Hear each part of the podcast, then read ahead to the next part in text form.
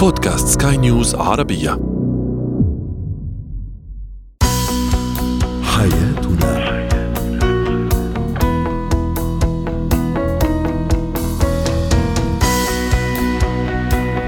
أهلا بكم مستمعينا الكرام إلى حياتنا برنامجكم اليومي الذي يعنى بشؤون الأسرة وباقي الشؤون الحياتية الأخرى والذي يمكنكم متابعته على بودكاست سكاي نيوز عربية. معي أنا طيبة حميد. اليوم نتحدث عن الميزانية المالية بين الشريكين وكيف يتم تجاوز الخلافات المادية وفي زينة الحياة الحديث عن كيفية تعليم الطفل والمراهق مهارة تنظيم الوقت ونسلط الضوء أيضا على العناية بالشعر وكيفية علاج التساقط. هو وهي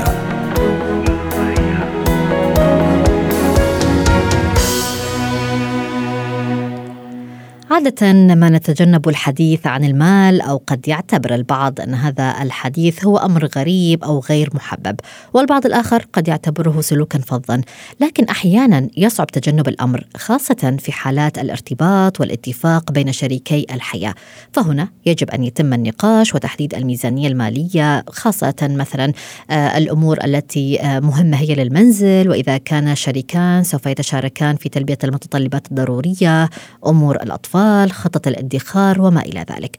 وبشكل عام قد لا يكون الموضوع سهل لأنه في بعض الأحيان تنشأ الخلافات المالية بسبب اختلاف أسلوب التعامل مع هذه الأمور والتخطيط للضروريات. فكيف يكون الأسلوب الأفضل للاتفاق بين المخطوبين أو المتزوجين؟ هذا ما سوف نناقشه مع دكتور شافع نيادي مدرب العلاقات الأسرية. أهلا بك دكتور شافع معنا ضمن حياتنا. يعني يا دكتور شافع في بداية العلاقة بين شريكي الحياة تكون خطوة التحول من أموالي وأموالك إلى أموالنا قد تكون صعبة آه، بعض الشيء وتحتاج إلى آه، حوار صحيح؟ نعم مرحبا أختي طيبة أهلا طيب مثل ما تكلمت يا أختي طيبة طيبة كثير من الخلافات الزوجية تدخل في أمور المالية وبعض الأزواج ينحرج أو يتهرب عن الحديث في الموضوع هذا مع أن ممكن في البداية أمر طبيعي لكن المشكلة أن هذا الموضوع يتراكم مع مدة إلى أن تنشب نوع من الخلافات والمشاكل والظلم وما شابه ذلك لهذا لابد أن يتفق الزوجان اتفاق واضح على حق كل منهما واجبة في الأمور المالية والمادية. آه يمكن يختلفون خلينا نتكلم أكثر واقعية زوجة أنا والله من حق زوجي أن يصرف علي وكذا كذا هذا أن ما نقدر نحط قاعدة ممكن تطبق على جميع الأسر وما شابه ذلك، هنا يرجع على الاتفاق. الاتفاق ما بين الزوجين بحيث انه ان نعم نحن نقول بالنسبة للزوجة حقوق مالية آه، مثل ما موجودة في الشرع والعرف. أما حق الزوج بمال زوجته يكون في الاتفاق. نعم. معنى لا يقول إنه والله من حقي إنك أنت من مالك لا. هو هذا يرجع إلى اتفاق إلى الزوجة. لكن لابد مسألة نحن شوفي الأمر الكتابة وكتابة الموضوع الاتفاقيات وما شابه ذلك هذا موجودة في كتاب الله سبحانه وتعالى. هي ليست مسألة البخل. البعض ينظر لاخت طيب أن الموضوع موضوع أنتم ليش تكلمون موضوع مال بخل بخل ما لا لا هذا أمور نحن أس أس أنتم أسرة تبنون أسرة تبنون مستقبل. أساس في نفس الوقت نبتعد عن الابتزاز المالي. ابتزاز نعم. سواء من الزوج للزوجة أو للزوجة للزوج وهنا المساومة. وهذا أكثر وأسوأ ما يكون ما بين الزوجين حينما يقعون في مسألة الابتزاز المالي. فلهذا آه نحن دائما لا أنا أفضل أن لا يرضخون لأي لأي طرف مسألة هذا الابتزاز تكون في قواعد واضحة للقضايا. يعني البعض دكتور شافع قد يشعر بالإحراج عند بداية العلاقة في مرحلة مثلا الخطوبة والاتفاق آه مثلا لدخول الحياة الزوجية مع بعض يشعرون بالإحراج للحديث أو الاتفاق حول هذه المسائل المالية. كيف يجب أن يتم الموضوع؟ هل يجب مثلا أن نتحدث بالبداية بطريقة مثلا أن نتحدث بالتساوي أم حسب دخل كل واحد فينا؟ يعني هذا في حال طبعا لو كان الشريكان يعملان. نعم. لاحظ نحن نتكلم عن مسألة الشركان يعملان هنا يدخلون الموضوع من بداية أن نحن نريد نبني المستقبل. نعم. يخططون لابد للزوجين يكونوا مع بعض يخططون للمستقبل. اثناء فترة حديثهم وتخطيطهم في المستقبل أكيد بيرجعون إلى مسألة دخل المرأة ودخل الزوجة ودخل الزوج. هنا يرجعون للاتفاق. كم نسبه الزوج الزوجه اللي ممكن؟ ونحن قلنا في البداية هذا آه لا يعتبر حق من حقوق الزوج انه لابد انك انك آه هذا تصرف بس نحن نقول بناء أسرة مطمئنة. نسبة من الزوجة كان ممكن تساهم في مسألة البيت.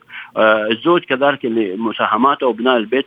وفي نفس الوقت ما هي المشاريع الأسرية؟ هم أختي طيبه هم ما عايشين لمدة سنة وسنتين. هذا صحيح. عمر. فهم يبنون المستقبل لكن البعض يقول نحن زين ما يحتاج ما نحتاج نوثق الأمور ما يحتاج هذا كله. في البعض في الاخير يرجعون لنوع يصير خلافات. الخلافات طيبه تكون ما بين الأخوة والأشقاء. فتجنبا نعم. هذه الخلافات والأمور تكون أكثر واضحة، كثير من الاستشارات تينا أنا والله الزوج يقول لا أنا كنت متفق وياك كذا، الزوج لا نحن اتفقنا، ليش أنا أقول على مجرد كلام؟ ليش ما يكون مسألة آه في اتفاق في وثائق تكون موجودة؟ وفي نسبة، هنا الزوجة مسألة المشاركة آه يعني هذه أسرة. ما أتوقع إن حتى كزوج وكأم ممكن في يصل الزوج لدرجة الحرمان أو ممكن يتدخل لدرجة الضروريات ما يعني ما يقدر يعني يوفرها نعم. أو ما يقدر يعني يعديها فهذا يكون التعاون ما بين الزوجين يكون جميل. التعاون حتى الزوج ممكن يراها مسألة انه يعني نتكلم واقعيا عايشة في عم في عز ونعيم بس الزوج وعياله عايشين في فقر فالزوجة نفسيا ما بتقبل فتجنبا لهذا كله وهذه الخلافات ليش ما يكون نوع من الاتفاق ما بينكم؟ الاتفاق مو على أساس أنت كم تدفع وأنا كم أدفع. اتفاق أن نحن ياسين نبني آه، أسرة نبني عائلة. بكرة أبنائنا يحتاجون. نحن هذا المال اللي آتاهم اللي إياهم ما يج... ما ياهم من فراغ اخ طيبة يجيهم من جهدهم. يعني صرفوا من. صحتهم من وقتهم. فالأسرة بكرة تحتاج لهذا المال.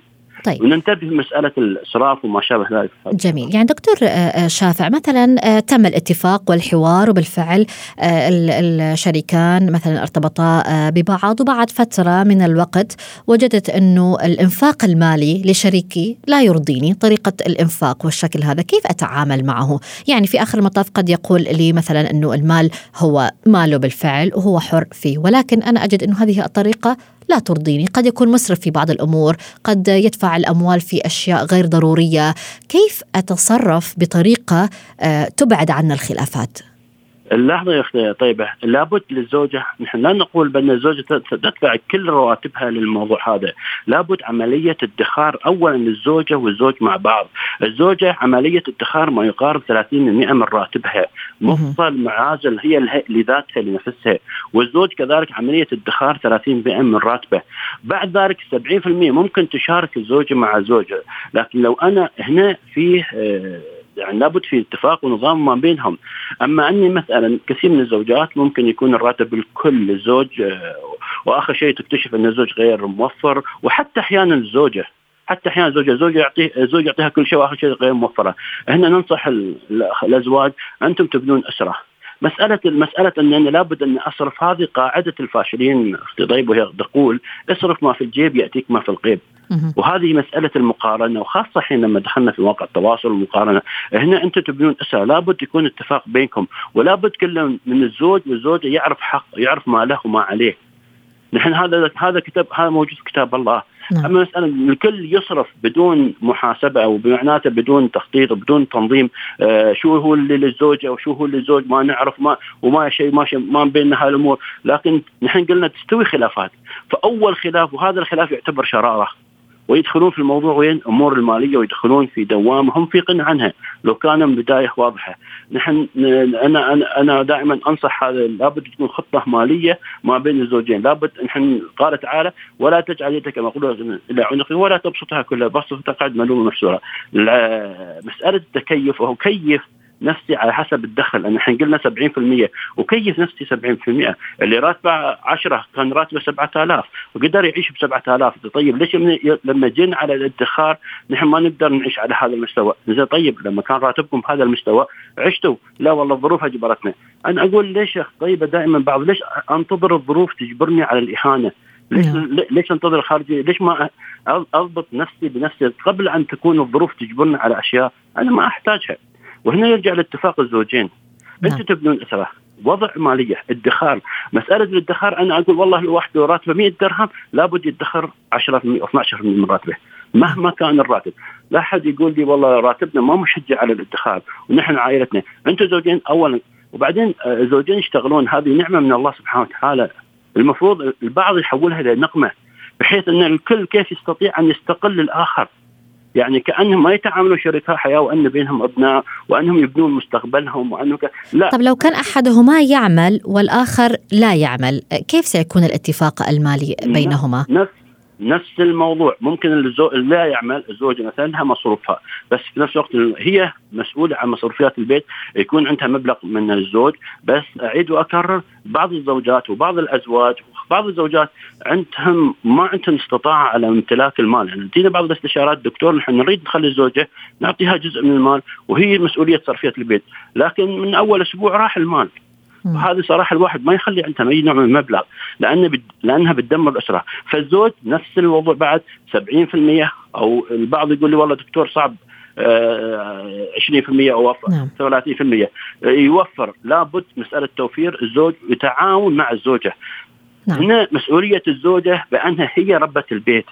هي المسؤولة. وقد يكون العكس دكتور شافع يعني قد يكونون هما يعملان وفجأة الرجل الزوج يفقد العمل وتبقى هي ال ال التي آه، تصرف على المنزل. صحيح. هنا تنبني على شوفي أساسا الخلافات المالية هي ترجع في البداية إلى إلى خلافات أخلاقية. فيها نوع من عدم الأمانة، عدم الثقة و... أو قد يكون الموضوع حساس آه، بالنسبة لل الطرفين المشكلة البعض طيبة يتحسس من الحديث عن الموضوع. تماما. أنا أقول ممكن حد بعض الأزواج أنا ما اريد أتكلم زوجتي عن هالموضوع حساس ما تحس حساس ما تفتكرني أن إنسان بخيل. أعرف كيف هي مش مسألة بخل يا ليت الأخوة يحضنوا مسألة مصير أسرة عائلة. أخت طيبة كل ما تجي الأسرة يوم مصاريفها تزيد أكثر وأكثر. الأسرة الآن الطفل بينهم عمره شهر مش نفس مصاريف الابن اللي عمره 18 سنة. نعم. أنا الآن في أنتم الأسرة الزوجين حاليا بإمكانكم تستغنون عن أشياء بكرة لما تكبرون أنتم في أمس الحاجة للصحة والراحة. صحيح. فلا ينظرون الم... لا ينظرون الموضوع أنا في صحتي وأنا شبابي وخلنا اعتمد خاصة الزوجين. نعم. ينظرون ليش نحن نتبخل على نفسنا وخلنا طيب أنا أنا أح... أعيش أو بمعناته أتعب وأشقى في شبابي أرحم من أن أذل وأنا في كبر. وضحت الفكرة. شكرا لك على كل هذه التفاصيل والنصائح دكتور شافع نيادي مدرب العلاقات الأسرية. زينة الحياة.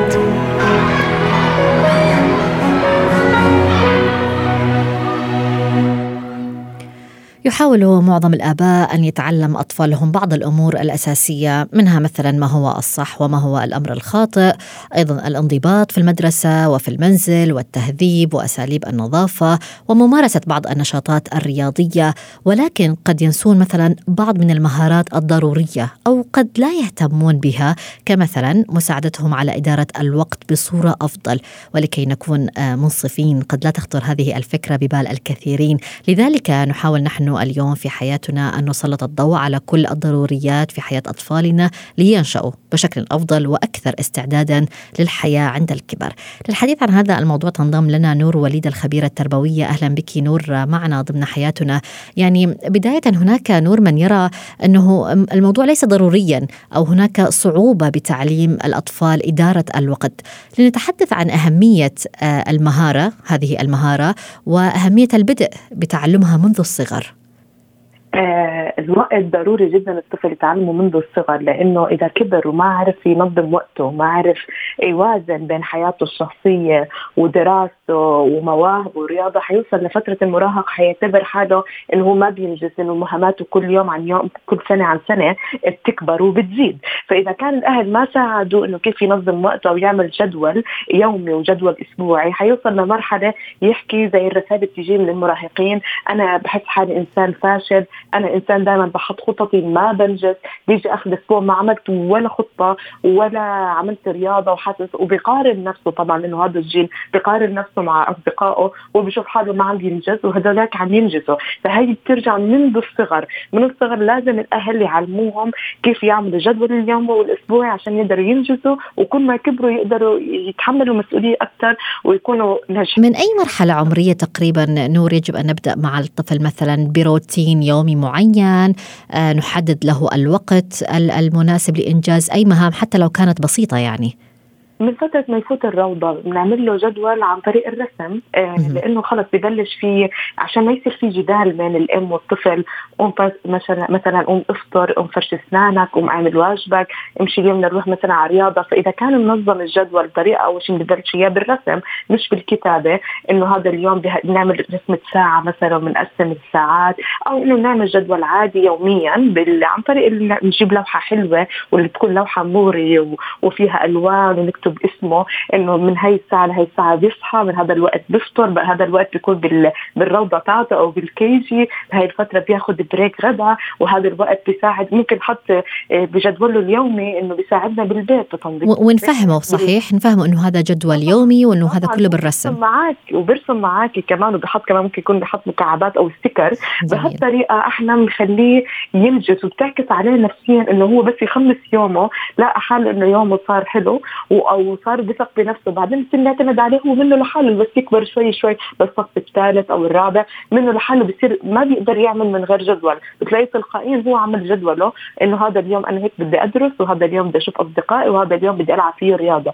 فهيك إذا اعتمد عليه منذ الصغر من طريق الرسم الطفل رح ينجز كثير أشياء حلوة وحنخفف كمان مشاكلنا معاه. عشان هو دائما ما بيسمع الكلام بيكون بدي نعم. أكثر للاعب إنه ينجز واجباته أو يروح يلعب رياضه وهنا أيضا ضروري أن يتعلم الطفل أو حتى المراهق آه، فكرة تحديد الأولويات يعني التفريق ما بين آه، ما يجب أن يفعله الطفل أو المراهق وما يرغب بأن يفعله. طبعا لأنه لأنه إذا ما تعلموا حيجي على الكبر مسؤولياته بتزيد. وإذا زادت مسؤولياته ما حيعرف ينجز. فلهيك ضروري جدا يعرفوا الذات بالذات المراهقين إنه لازم يوم بدك تنجز مهاماتك ما حتحطها كلها مرة واحدة بنفس الوقت من مهام لمهام بده يكون راحة. زي مثلا في عندنا فكرة خاطئة أنا بدرس ساعات متواصلة والساعات المتواصلة بترهق الذهن من التركيز والعينين والظهر القعدة لازم غير صحيحة. فلا بد إنه مثلا بدراستهم من ساعة لساعة في بريك ربع ساعة يوقف فيها يتمشى يروح على المطبخ. بنصح إنه يفوتوا المطبخ. ممكن يعمل وجبة الفطور أو الغداء والعشاء. منه يفصل شوي تركيز تركيزه من الدراسة فلا بد كمان حتى الجدول وقت المراهقة طبعا بتختلف عن الطفولة لأنه هو بيكون ادرى شو عنده بس كمان في منهم ما عنده فكرة إنه إنه لازم آخذ راحة بهي الفترة من, من الوقت من ساعة لساعة وكمان عم بيخلوا كل المهمات بيوم واحد وهذا طبعا غلط لابد إنه يختار يوم يشوف أهله ويوم يلعب فيه رياضة أو ثلاث مرات في الأسبوع فلا بد الجدول اليوم والأسبوع يكون واضح عشان يقدر ينجز وبنفس الوقت ياخذ الراحة الكامله طب لو ه... لو الآن هناك من يسمعنا وبالفعل لديه آه، طفل أو طفلين في سن المراهقة كيف يمكن اليوم أن يقنعوا أطفالهم إذا هم لم يتعودوا على فكرة آه، آه، جدولة اليوم وما إلى ذلك تحديد حتى المواعيد كيف يمكن اليوم أن يقنعوا هؤلاء المراهقين بهذه الفكرة؟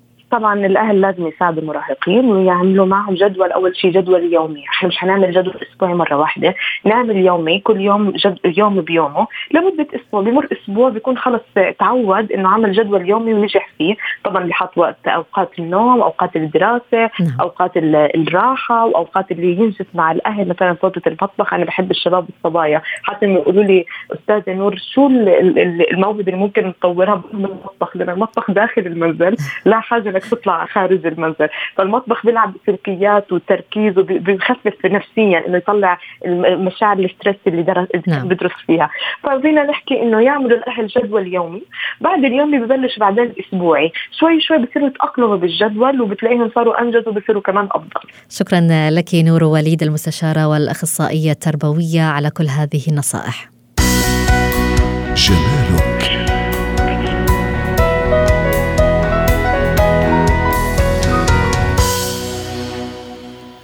يتعرض الشعر كغيره من أجزاء الجسم للأمراض والمشكلات التي تكون نتيجتها تساقط وفقدان الشعر.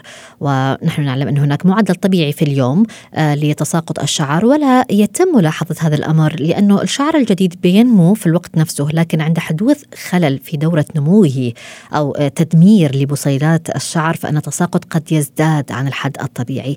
لذلك سوف نتحدث اليوم عن كيفية العناية بالشعر والوقاية من الأمراض التي قد تصيب فروة الرأس أو والتي تؤثر على نمو الشعر وتؤدي لتساقطه أيضا. وتنضم إلينا دكتورة إيناس موسى اختصاصية الأمراض الجلدية. أهلا بك دكتور إيناس معنا.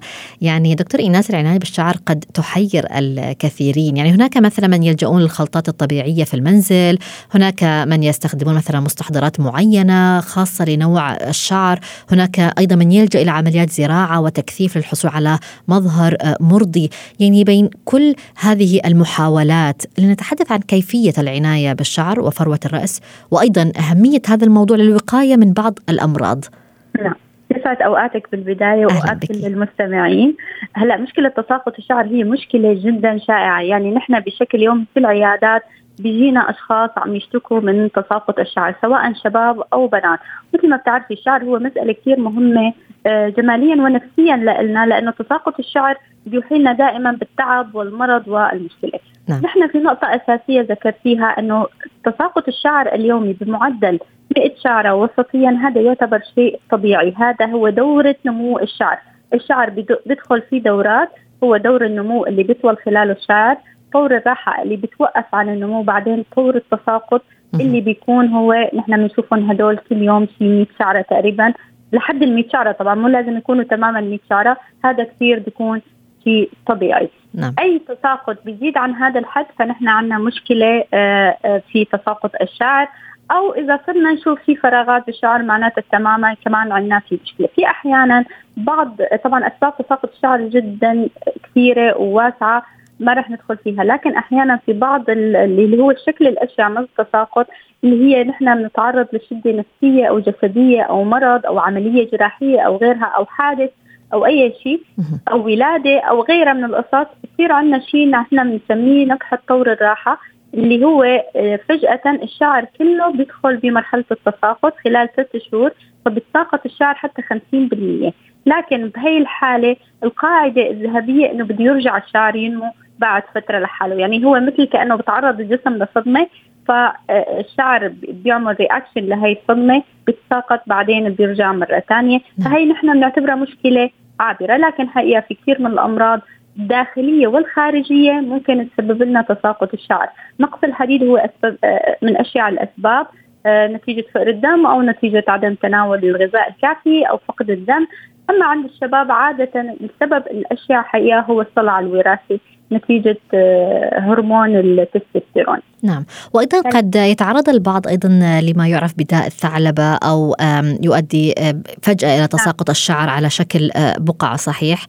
نعم. طيب البعض يعني دكتور مختلف من التساقط لأنه بتكون بقع واضحة الحدود بيضاويه أو مدور أو مدورة بيكون الشعر تماما مختفي منها ما في ولا شعره فيها. ما نحن لما نحكي عن تساقط شعر بيكون تساقط شعر بشكل معمم من كل نعم. الرأس. كمان الثعلبة ممكن مو بس تظهر على الشعر ممكن تظهر ممكن تظهر فجأة صحيح؟ على الحواجب على الرموش طبعا. في أحيانا لها أشكال بتاخذ شكل نحن بنقول المعمم. كل شعر الجسم بيتساقط لأنه هي سببها مناعي ذاتي. يعني شو المناعي الذاتي يعني خلايا الجسم المناعية بتهاجم بصيلات الشعر وبتقضي عليها. بتروح بتسقط هاي البصيلات وبتختفي آه تماما. فهي نوعا ما شكل مختلف حتى عن كل أسباب تساقط الشعر الأخرى لأنه هي طبعا شكل أشد شكل مناعي.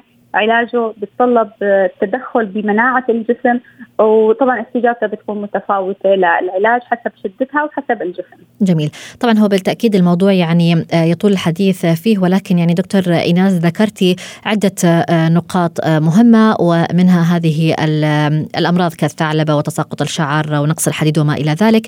دكتور إيناس يعني البعض عندما يجد أنه الشعر شعره عم يتساقط بالفعل يلجؤون مثلا إلى بعض الخلطات اللي بينصحوهم منهم آه، البعض بيعملها في المنزل آه، يحاولون استخدام بعض المستحضرات.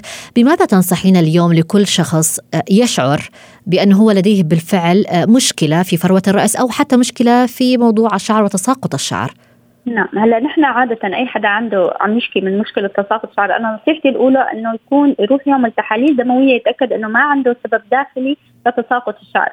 نعم. نحن السبب اللي حكينا نقص الحديد أو أحيانا مشاكل الغدة الدرقية أو أحيانا نقص الفيتامين د وغيرها هي كلها مشاكل قد تؤدي إلى تساقط الشعر. ليش؟ لأنه لما بيكون عندنا سبب داخلي لتساقط الشعر مهما عملنا خارجيا من علاجات وجلسات وكريمات أو زيوت أو غيرها نحن ما رح نستفيد. لأنه المحرض لتساقط الشعر هو داخل الجسم فبالتالي لازم نصلح نعم. المشكلة نعم. الداخلية إذا ما طلع عندنا مشكلة داخلية فمعناتها نحن عندنا مشكلة خارجية بسيطة. ممكن شعر متعب مرهق ممكن نتيجة تصفيف الصبغات وغيرها من الأشياء عاملة تعب بالشعر. هون بهي الحالة طبعا أنا ماني ضد الأشياء الطبيعية. آه، ممكن تكون فيها فائدة إلى حد ما. آه، الزيوت الطبيعية صارت معروفة إن لها آه، بتحسن من نمو الشعر بتحسن من رونقه. يعني ممكن تعطيه شيء من الصحة. طبعا ننصح بأحسن شيء للشعر لزيوت الشعر. في عندنا زيت الأرجان يمكن كلنا بنعرفه زيت الخروع زيت اللوز وغيرها ممكن الواحد يعملها مرة أسبوعيا لكن لنكون بصراحة صريحين يعني هاي الزيوت آه، يعني حل مساعد وليست علاج يعني لتساقط الشعر طبعا في بعض نعم. الأدوية اللي موجودة خاصة مادة المينوكسيديل آه، ممكن تساعدنا لفترة مؤقتة. أن تعيد نمو الشعر المتساقط أو تسرع نمو الشعر المتساقط لازم لكن لازم نستخدمها لفترة طويلة.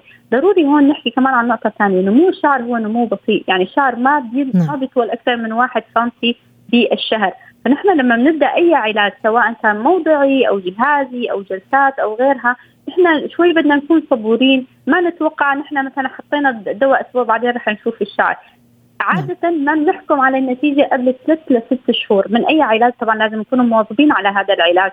لحتى نحن فعلا نشوف إنه الشعر أه توقف عن تساقط في البداية بعدين رجع يطلع مرة ثانية يطلع لنا البيبي هير هون بنعرف إنه نحن هذا العلاج ناجع وأعطانا نعم. فائدة. شكرا ف... لك يا دكتور إيناس موسى. وضحت الفكرة وعذرا على ضيق الوقت اختصاصية الأمراض الجلدية.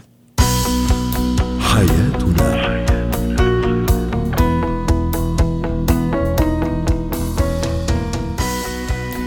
إلى هنا نصل وإياكم مستمعينا الكرام لختام برنامج حياتنا. كنت معكم أنا طيبة حميد. إلى اللقاء.